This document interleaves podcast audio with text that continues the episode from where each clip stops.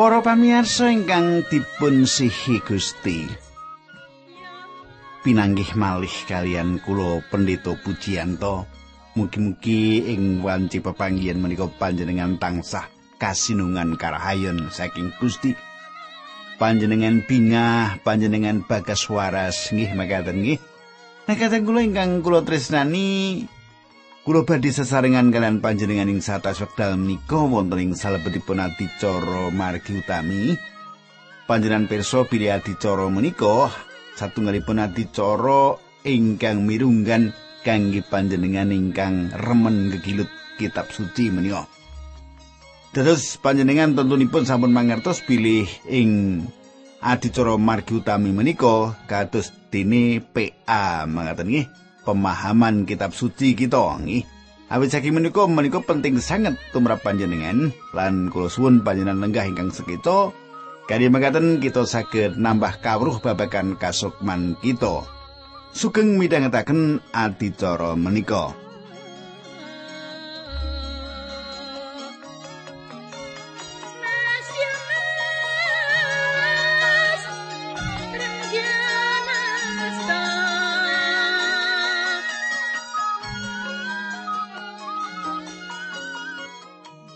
Kadang kula ingkang kula tresnani kula badhe sekedhik metik menapa ingkang kula aturaken ing pepanggihan kepengker sebatus paling boten wonten sambungipun antawisipun ingkang kula badhe aturaken samenika kalian ingkang kula aturaken duk nalika kita pepanggihan ing jaman kepengker nggih. Kadang kula ing pepanggihan kepengker kita sampun nyemak kados pundi kanthi kendel Paulus nyukani kesaksian kegayutan kan badanipun bab Gusti Yesus ingkang sampun milu jengaken ing ngarsanipun Sang Prabu Agripa. Panjenengan sekemutan gimana nggih? Lajeng kados pundi kelajenganipun ing perangan menika? Monggo kita semak sesarengan ing wanci menika nanging monggo kita tumungkul kita ndedonga rumiyin.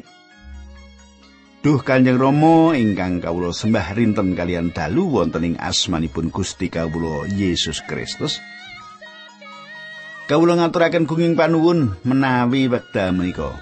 Kawula kaparingan kalodhangan kangge pinanggih tetunggilan kalian sederek-sederek kawula lan kawula nyuwun tuntunanipun Gusti awet ingkang badhe kawula rembak menika babagan kawruh ing kitab suci paduka menika.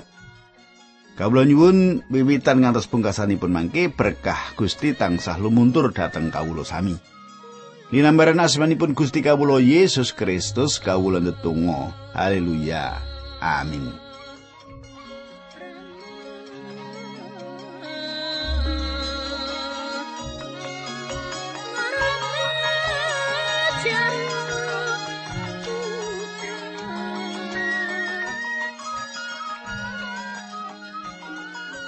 Para pamirsa, samenika pasinaon kita sampun lumebet ing kitab Para Rasul 6 Ayat 29 lan sadaringipun sampun kita rembak sesarengan. Samenika kula badhe maosaken dumateng panjenengan ayat 3 dosa ngantos 3 dosa kali. Makaten suraosipun. Pasal 6 Ayat 3 dosa. Sawise Rasul Paulus mangkono, sang prabulan gubernur tuwin Bernike lan wong kabeh padha ngatek. Bareng wis padha ana ing jaba wong-wong mau padha rasan wong iki ora duwe keluputan sing pantes kepatrapan paukuman pati utawa dikunjoro. Sang Prabu Agripa nglajengake ngendikane marang Gubernur Festus leresipun tiang menika sampun saged kaluaran menawi piyambakipun boten nyuwun supados perkawisipun kainggahaken dhateng Kaisaring Rom. Makaten kula mandheg riyin kadang kula. Cetha sanget pilih Paulus badhe kisah dhateng Rom samenika. Wonten saperangan tiang ing antawisipun tiang-tiang menika ingkang nangkletaken menapa satunggalipun perkawis ingkang leres, Paulus minggah banding dumateng kaisar menika. Wonten tiyang ingkang gadah anggepan pilih menopo ingkang dipun tindakaken Paulus menika satunggalipun patrap ingkang lepat. Kulo gagas putusanipun Paulus menika saestu leres kadang kula. Ing salebetipun serat dumateng pesaman ing Rom, Paulus meratelaken raos kangenipun supados saged kisah dhateng Rom. Pamanipun ing Rom setunggal ayat dosa ngantos 11 kula waosaken iki. Panyuwunku, muga saka kersane Gusti Allah piyambak aku kepareng niliki kowe. Awit aku kepingin banget ketemu karo kowe supaya aku bisa nglantarake berkah sing ndak tampa saka Sang Roh Suci marang kowe murih santosamu. Menika. Nah, Paulus badhe kisah datang Rom. Piyambakipun badhe kisah datang Rom. Panjenengan saged nangkletaken menapa Paulus badhe nglampahi satunggalipun anggenipun kisah ingkang kebak kangilan utawi mboten. Kekisahan menika satunggalipun kekisahan ingkang ngremenaken menawi menika panci satunggalipun kersanipun Gusti Allah bilih piyambakipun kedah kisah dateng Rom. Anggenipun kisah dateng Rom. Menika badhe nuhaken Sukarna. Menawi menika saestu dados kersanipun Gusti Allah. Kadang kula menika pasal 16 sampun paripurna. Saniki ngancik pasal 17. Anggenipun kisah Paulus ngelangkungi seganten menika saged dipun wastani kekesahan nggelaraken Injil ingkang dipun tindakaken Paulus ingkang kaping sekawanipun. Paulus tansah boten leren anggenipun nggelaraken Injil ing wekdal kisah dhateng Rom menika. Menapa ingkang dipun tindakaken tetep sami. Piyambakipun tansah wonten ing gegayutan tiang sanes lan tamtu kemawon piyambakipun ngaturaken paseksi ingkang sami tetep setya nindakaken menika kados kekesahan ngelaraken Injil saderengipun ora ana bedane kita ningali ing mriki bilih rantai menika babar pindah mboten dados pepalang. Pepalang anggenipun ngelaraken Injil sinaosa rantai menika mboten dipun uculi. Inggih. Piyambakipun ingkang sanjang ing salebetipun kalih Timotius kalih ayat songo. Mergo saka nggonku martakake Injil mau aku saiki nandang sengsara lan aku dirantai kaya durjana nanging pangandikane Gusti Allah ora kena dirantai. Menika Paulus ugi nyerat dumateng pesamaning Filipi bilih perkawis-perkawis ingkang dumados inggih menika demi kasebaripun rata Injil menika. Kados ingkang dipun sepataken ing Filipi setunggal ayat 12. Kadang kula Gusti Allah makaryo awit saking sedaya kahanan ingkang kelampahan menika. Anggenipun kekesahan Paulus sing wekdal samenika badhe sekedhik benten. Kalian kekesahan-kekesahan ingkang dipun tindakaken saderengipun. Anggenipun kekesahan menika sampun tentu dipun biayani dening pemerintahan Rom. Awit napa? Awit piyambakipun dados tawanan dados tahanan pemerintahan Rom. Anggenipun kekesan datang Rom menika minangka pangganepan donganipun. Inggih menika piyambakipun badhe dumugi ing Rom. Ing wekdal Paulus minggah banding dumateng kaisar, wiwit menika piyambakipun uwal saking panguwasipun gubernur Festus lan ugi raja Agripa. Kados ingkang dipun sanjangaken raja Agripa ing para rasul 6 ayat 3 kali sasampun piyambakipun mireng ingkang dados masalahipun Paulus makaten Sang Prabu Agripa nglajengaken ngendikane marang Gubernur Festus leresipun tiang menika sampun saged keluaran menawi piyambakipun boten nyuwun supados perkawisipun kainggahaken dhateng Kaisar ing Rom. Saking menapa ingkang dipun sanjangaken menika ateges pilih tiang kalih menika boten saged nindakaken menapa-menapa gegayutan kalian kekajengan anggenipun nguwalaken Paulus. Tiang kali menika kedah ngintun Paulus datang Rom. Para pamirsa, samenika pasinan kita ngancik ing pasal 17. Ing pasal menika kita saged demak seratan gegayutan anggenipun Paulus kisah dateng Rom. Menapa ingkang kita panggihaken ing mriki inggih menika seratan anggenipun nitih kapal. Menapa ingkang dipun serat ing para rasul menika dipun anggap satunggalipun keterangan ingkang sae piyambak gegayutan kekesahan nglangkungi seganten ing jaman rumiyin ingkang tasih wonten ngantos samenika. Sir William Ramsay ingkang naliti seratan Dr. Lukas menika lan piyambakipun gadah anggapan bilih seratan menika saged kasebat pakaryan agung lan menapa ingkang dipun serat saestu pas. Dados menawi kados makaten kita mlebet satunggalipun pasal ingkang ageng ing salebetipun kitab suci kados dene ingkang panjenengan tingali. Kadang kula satunggalipun abdi Gusti sanjang panjenengan ingkang nate sinau panggesanganipun kaisar ing basa Latin saged ugi kemutan kegayutan pembangunan satunggalipun keretek utawi jembatan. Perkawis menika tansah dados jurang ingkang ketinggal ing pikiran sedaya ingkang dipun sinau ing salebetipun basa Latin awit kathah sanget tembung inggal ingkang dados perangan ing salebetipun bangun satunggalipun kretek. Pasal menika ing basa Yunani kegayutan kalian perkawis menika awit kata istilah teknik ingkang dipun ginakaken dening Dr. Lukas kangge nerangaken margi-margi ingkang kedah dipun langkungi Paulus menika. Kadang kula samenika monggo kita miwiti kekesahan menika sesarengan kalian Paulus. Kita badhe lelayaran tumuju Rom. Menapa ingkang kita sinau menika satunggal seratan kekesahanipun ingkang pungkasan Rasul Paulus lan sampun tentu ingkang narik kawigatosan kita piyambak ingkang dipun serat ing salebetipun kitab para rasul. Ayat setunggal bab 17. Sawise ditetepake yen aku kabeh kudu padha mangkat menyang tanah Italia, Rasul Paulus lan wong tahanan sawetara liyane nuli dipasrahake marang Julius perwira tentara Rom sing karan resimen kaisar.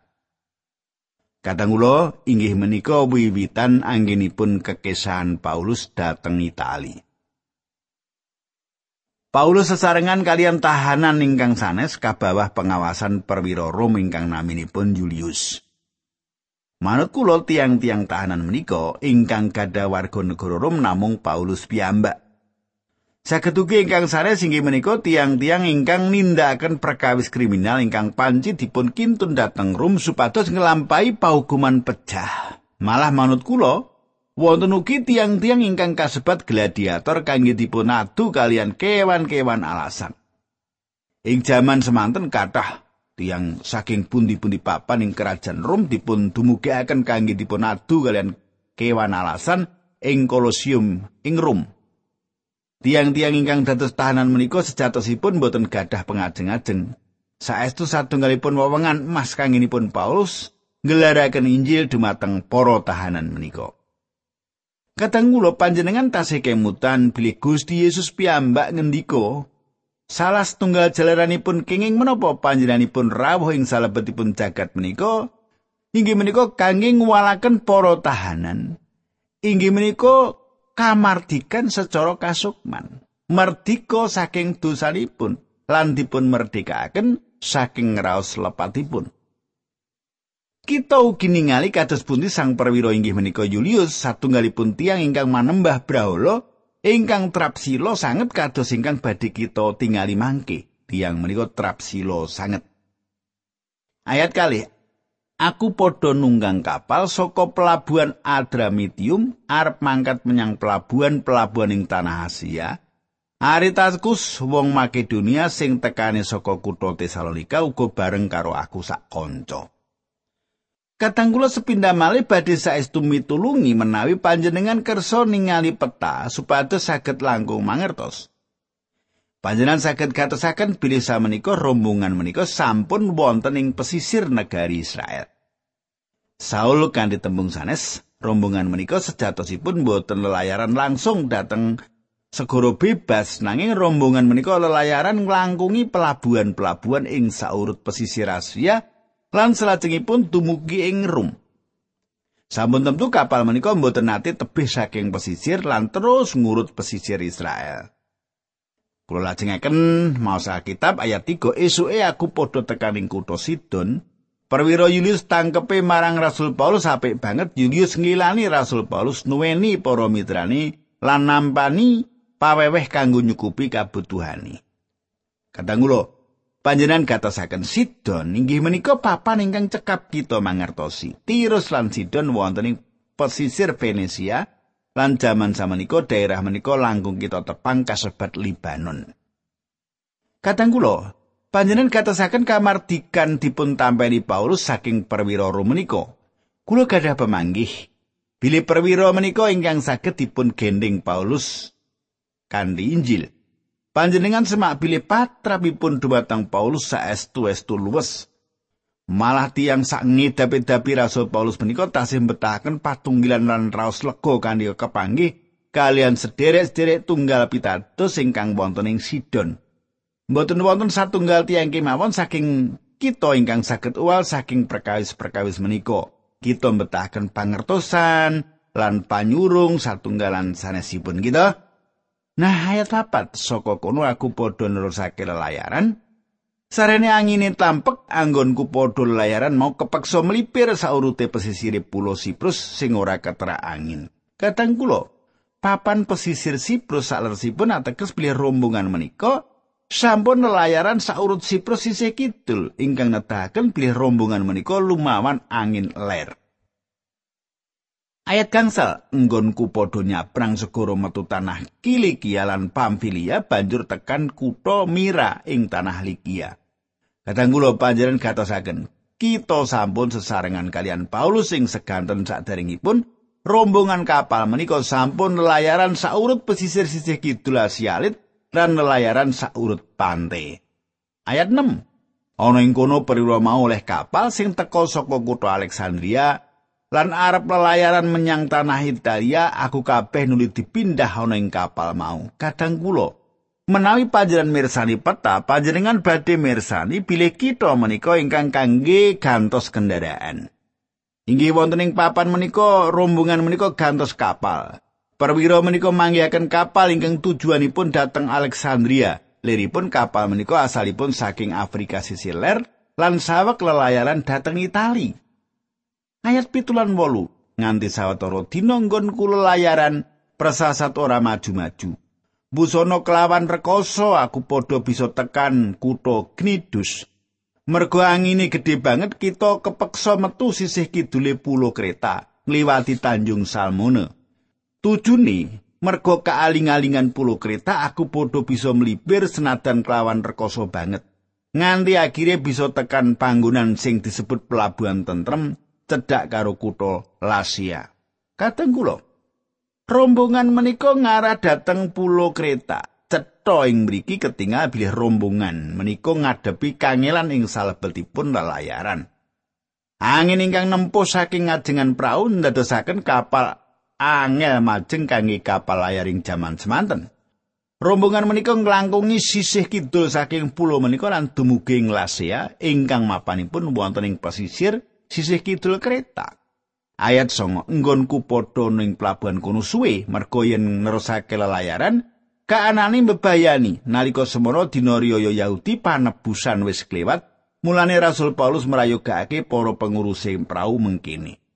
Katang kula, Lelampahan menika dumados sing wekdal mangsa gugur lan mangsa mbediting sampun wiwit. Rombongan menika temtu kemawon gadah pengajeng-ajeng supados dumugi ing Rom saderengipun mangsa angin banter dumugi. Ingkang nalika wigatosan kita ing wekdal semanten, Paulus saestu nguasani rombongan menika. Ing wekdal layaran bebayani, Paulus nyukani pitutur. Ayas doso lan sebelas. Bapak-bapak, enggen kita layaran badi manggih beboyo kathah. Mboten namung memotan lan kapal menika ingkang badhe ngalami karisan ageng nanging ugi nyawa kita. Nanging perwira mau luwih percaya marang juru mudi lan wong sing duwe prau ketimbang marang Rasul Paulus. Kadang kula tiang tentu kemawon saged mangertos menapa ingkang dados putusan perwira korwau nggih. Paling boten panjenengan gadah pengajeng-ajeng pilih kapten kapal badhe langkung mangertos kathah babagan nelayaran tinambang Paulus gitu. Paulus kan ora ahli kapal gitu. Kita nyemak Paulus sawek dipun dadaring mriki. Piyambakipun cekap ketinggal kaprabawanipun. Piyambakipun nyukani ego praktikal ingkang kasunyatanipun kedah dipun turuti. Toto kasukman ingkang unggul saged ketinggal ing wekdal semanten. Mboten wonten patra bingung ing gesang Paulus, mboten wonten mangu-mangu, mboten wonten raos jualan gelo, caket kawasanan Paulus gadah kepribadian ingkang imbang. Paulus mangertos dateng pundi piyambakipun kedah kisah, ya iki kang ndak ngerteni. Satunggalipun pratelanipun ing wekdal piyambakipun dumugi ing Rom. Kita saged ngatosaken mutu gesangipun ing tata jantranipun ing salebetipun lelayaran menika. Paulus nindakaken gesangipun minangka tiyang ingkang gadah gegayutan caket kalian Gusti Allah. Ayat 12 pelabuhan ing kono pancen ora kepenak kanggo ngaso ing wektu bediting. Mulane para punggawani kapal saperangan gedhe padha setuju yen anggone layaran diterusake karepe supaya bisa tekan pelabuhan Phoenix. Ya kuwi pelabuhan ing Pulau Kreta sing madhepe kidul kulon lan lor kulon dadi cocok kanggo ngaso saksuwene mangsa bediting. Sederek kula. Pulau Kreta inggih menika satunggal pulau ingkang mapanipun ing pesisir Asia alit lan ugi ing pesisir Yunani. Kereta satunggalipun pulo ingkang ageng piyambak lan gadah sawetawis pelabuhan ingkang sae. Lelampahan-lelampahan ingkang dumados mbuktekaken pilih menapa ingkang dipun weca Paulus menika leres. Sadangunipun lelayaran menika sang kapten, para prajurit dan para pelaut namung nyendhekaken nasibipun dhateng kinten-kintenipun manungsa kemawon. Nanging menawi Paulus tansah supindi dumateng Gusti Allah. Samenika ayat 13. Bareng ana angin sumilir saka ing sisi kidul wong kabeh padha ngira yen kuwi wektu sing becik kanggo mangkat. Janggare nuli dibedol lan praune banjur mlipir cedhak karo pesisire pulau Kreta. Kadang kula tumrapipun rombongan menika lelayaran menika namung nginten-ninten kemawon. Angin kidul ingkang nempuh alon, dados rombongan menika mboten nginten. Kapten inggih menika tiyang ingkang ningali dumateng badan piyambak lan dumateng kawicaksanan manungsa. Paulus temengo dumateng Gusti Allah. Sawetawis wekdal salajengipun Paulus sanjang dumateng rombongan menika. Aku percaya marang Gusti Allah. Panjenengan katosaken piyambakipun boten sanjang pilih Paulus pitados Gusti Allah nanging aku percaya marang Gusti Allah. Gesang menika kados dene segara ageng lan gesang kita kados dene kapal alit. kita saged lelayaran kanthi pangintenipun manungsa menawi kita badhe milih kados mekaten. Wonten lesus ingkang nempuh ing mriku, satunggalipun angin ingkang kiat, lelampahan ingkang mrihatosaken inggih menika pilih tiang-tiang menika ing tengah-tengahipun raos bingung kisruhipun jagat pepeteng kathah manungsa ing kanan ingkang kados makaten menika gesangipun gagap-gagap wonten ewon rancangan manungsa kangge bangun jagat sepatus langkung sae. Nanging pundi-pundi kita ningali, kita semak katempo ing gagal, gitu. Ing pundi-pundi panginan tiang kepingin bangun jagat menika. Nanging ingkang kita semak, tiang-tiang menika katempo ing gagal.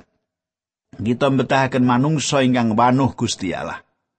Gladstone juru khotbah sanjang, tondo wong dadi negarawan, Ingkang ngedapi-dapi ya kuwi manungsa kang wanuh rancangan Gusti Allah kanggo 50 taun kang bakal dilakoni. Kita ketinggalipun boten ningali kathah tiang kados makaten menika ing jaman samenika. Ayat 18. Dumadaan ana prakara saka daratan sing lumrahe disebut angin lor wetan.